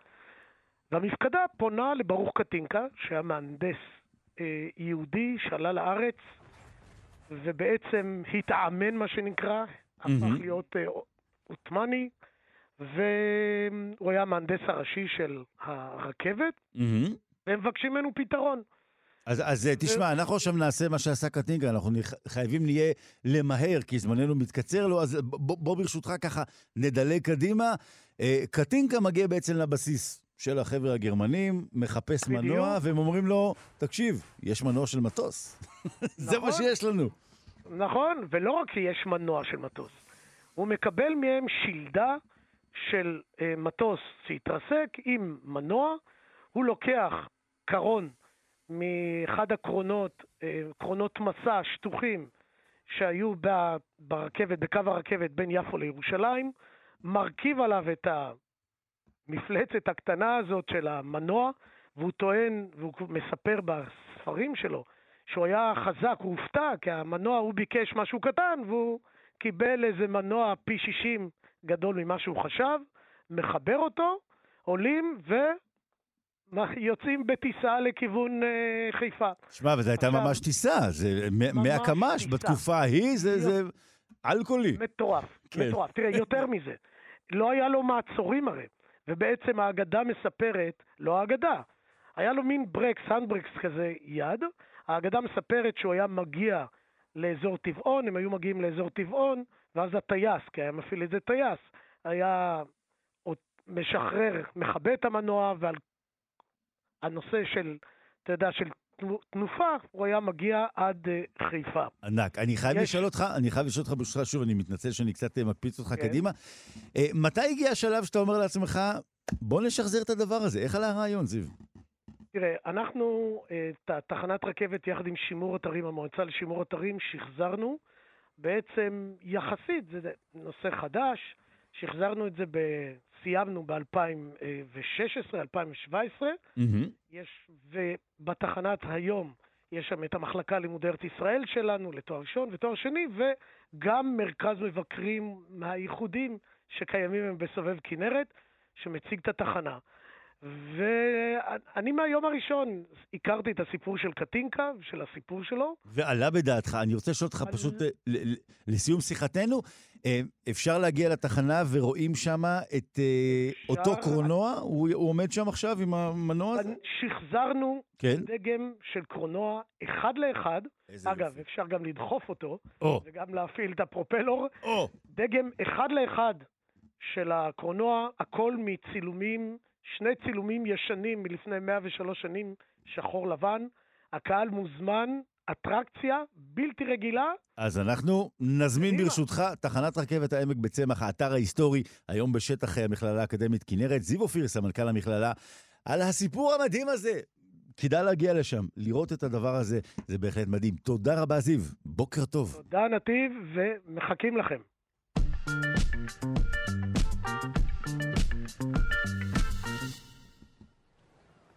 אנחנו עכשיו עם אה, זווית נוספת אה, של אה, משבר הקורונה, אם אתם זוכרים, כמובן משבר רפואי, משבר כלכלי. רחובות שלמים, נסעו אנשים ברחובות, אם נסעו, כי בקושי הלכו אז ברחובות, ושלטים רבים להשכרה. שלטים רבים להשכרה אה, נתלו בתקופה ההיא. אנחנו רוצים אה, לדעת מה אפשר ללמוד מאותם אה, שלטי השכרה שנתלו בתקופת הקורונה. דוקטור גיא אלדר מהמסלול האקדמי בכלל למינהל, המכון הטכנולוגי חולון, אוניברסיטת רייכמן. בוקר טוב, גיא. איתנו, גיא? מיד יהיה איתנו ויוכל אה, לסייע לנו להבין מה ניתן ללמוד מאותם שלטי השכרה. שלום לך, גיא, בוקר טוב. בוקר טוב. אז ספר לנו באמת אמ, מה אנחנו יכולים ללמוד? שמע, הלכנו אז ברחובות, ראינו את השלטים האלה, הם מלמדים אותנו משהו. אה, כן, הלכתי ובדקתי מה אפשר ללמוד מהשלטים האלה. בעצם אנחנו חטפנו בומבה של שלטי להשכרה בכמות מאוד גדולה.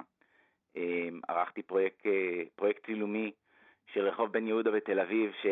אמ, כמעט עשרה אחוז מהרחוב היה מכוסה בשלטי להשכרה. Mm-hmm. תמונה מאוד מדכאת ברחוב מאוד מרכזי בתל אביב, אה, אבל זה מאוד מייצג את התקופה הזו. אה, ובעצם הלכתי ובדקתי מה אנחנו יכולים ללמוד מהטיפוגרפיה, מהגופנים שבוחרים בשלטים האלה ומההצבה שלהם במרחב. רציתי לראות אם אנחנו יכולים לקבל עוד מהדיכאון ומהייאוש של כן. התקופה. אני, אני רוצה כן. לשאול אותך שאלה, זאת אומרת, בן אדם שגם ככה הוא מיואש, כי הוא צריך להשכיר את החנות, אז הוא מה, הוא לא, הוא לא ישקיע מן הסתם יותר מדי בשלט, נכון? הוא, השלט יראה ככה מיואש. נכון, זה, זה, זה מה שציפיתי למצוא. Uh, בסופו של דבר, רוב השלטים באמת, אני חושב, כמו שאתה אומר, לא, לא ישקיע בזה יותר מדי, רוב השלטים באמת מראים סוג של אדישות. Uh, כאילו כבר עוד, עוד חנות, איך אנחנו נעביר את זה גם, איך אנחנו נשיג לזה אה, השכרה, ובאמת אה, השלטים מאוד דומים, אין יותר מדי מגוון, אין יותר מדי רגשות, המקומות המעניינים שאפשר למצוא את, ה, את הבן אדם, זה דווקא בשלטים שאולי הייאוש הביא אותם אה, פשוט לכתוב בכתב ידם mm-hmm. את השלט. טוב, מי שכתב בכתב ידו זה, זה המיואש הכי גדול, הוא אפילו לא היה לו כוח להדפיס. כן, ככה זה נראה, ש, שכבר טוב, עוד, אני, יש לידי עוד שלוש-ארבע חנויות, אז איך אני אצליח אה, להזכיר את שלי? לא, אני, אני ראיתי חלק מהתמונות שלך, הם גם כתבו ככה, אתה יודע, כזה, אתה רואה שהוא גם כותב כזה בקושי, ממש אה, כבר אה, אין לו אפילו נכון, כוח. על, על, על סף חוסר תקווה. כן. באמת המקום שרואים את זה הכי הרבה זה בכתבי היד, ופחות בשלטים הטיפוגרפיים. מה שכן מעניין, אבל זה באמת הסביבה, כי הסביבה תומכ, תומכת יותר בעניין של הייאוש. שאתה רואה המון אה, חנויות נטושות, החללים הריקים, המדבקות המקולפות של כל מיני מבצעים או מועדונים או דברים כאלה, הקמפיין הידוע של אה, נסגר בגללך עם ראש הממשלה הקודם, שככה מנסה להיות אה, עדיין אה, מוסתר ומקולף מהרבה מהחזיתות שמה. אה, כל הדברים האלה הם אלה שיותר חיזקו את אווירת הייאוש ברחוב מאשר השלטים עצמם. אז גיא, אני מקווה שלא תיכנס לייאוש. תם כן, לנו אה? הזמן. אתה לא רואה שיש לי פה שלט שכתבתי עליו תודה? השקעתי בו מאוד בטופוגרפיה של השלט הזה, בטיפוגרפיה שלו. אה, אז תאמין לי שיש לי פה שלט. אנחנו, לצערי, תם זמננו. דוקטור גיא אלדר, מהמסלול האקדמי, המכללה למינהל, המכון הטכנולוגי חולון. רק להגיד שזה כן? פורסם בקריאות ישראליות, שזה כתב אה, עת ישראלי חדש של האוניברסיטה הפתוחה, והם. עושים עבודה נהדרת. אה, הגיע הזמן שיהיה לנו משהו בעברית, ככה, שמראה את הדברים הישראלים כמו שצריך. אנחנו ממליצים. תודה רבה, גיא. תודה. ביי. אנחנו מגיעים uh, לסיום uh, שעתיים של uh, שלושה שיודעים. לאולפן נכנס חתן יום ההולדת! וואו! גואל פתאום חוגג יום הולדת. לא תאמינו, נכנס לעוגה, uh, לאולפן. יש פה עוגת קצפת ענקית. Uh, שינדלר שם פה בלונים על התקרה. יש פה חגיגה. חבר'ה, אני נשאר איתכם. יש פה סוכריות, יש פה דברים נפלאים. בקיצור, בדיוק. אני לוקח לכם את העוגה. אז אה, מזל טוב לגואל פינטו, יקירנו, חוגג היום 27, אה, שיענה. אנחנו אה, נאמר תודה רבה לכל הצוות שלנו, תודה רבה רבה לרז חסון חסון, תודה רבה לאלכס אלכסנדרה לויקר, לגיא מקלר, סופר די.ג'יי גיא מקלר, כאן באולפן נתיב רובינזון. אנחנו נהיה כאן גם מחר בשבע בבוקר. עד אז אתם מוזמנים גם לחלום על העוגות שגואל לא נתן לכם, אבל בעיקר לחלום על הרבה מדע וידע. יום טוב, מלא מלא ידע. אתם מאזינים לכאן הסכתים, הפודקאסטים של תאגיד השידור הישראלי.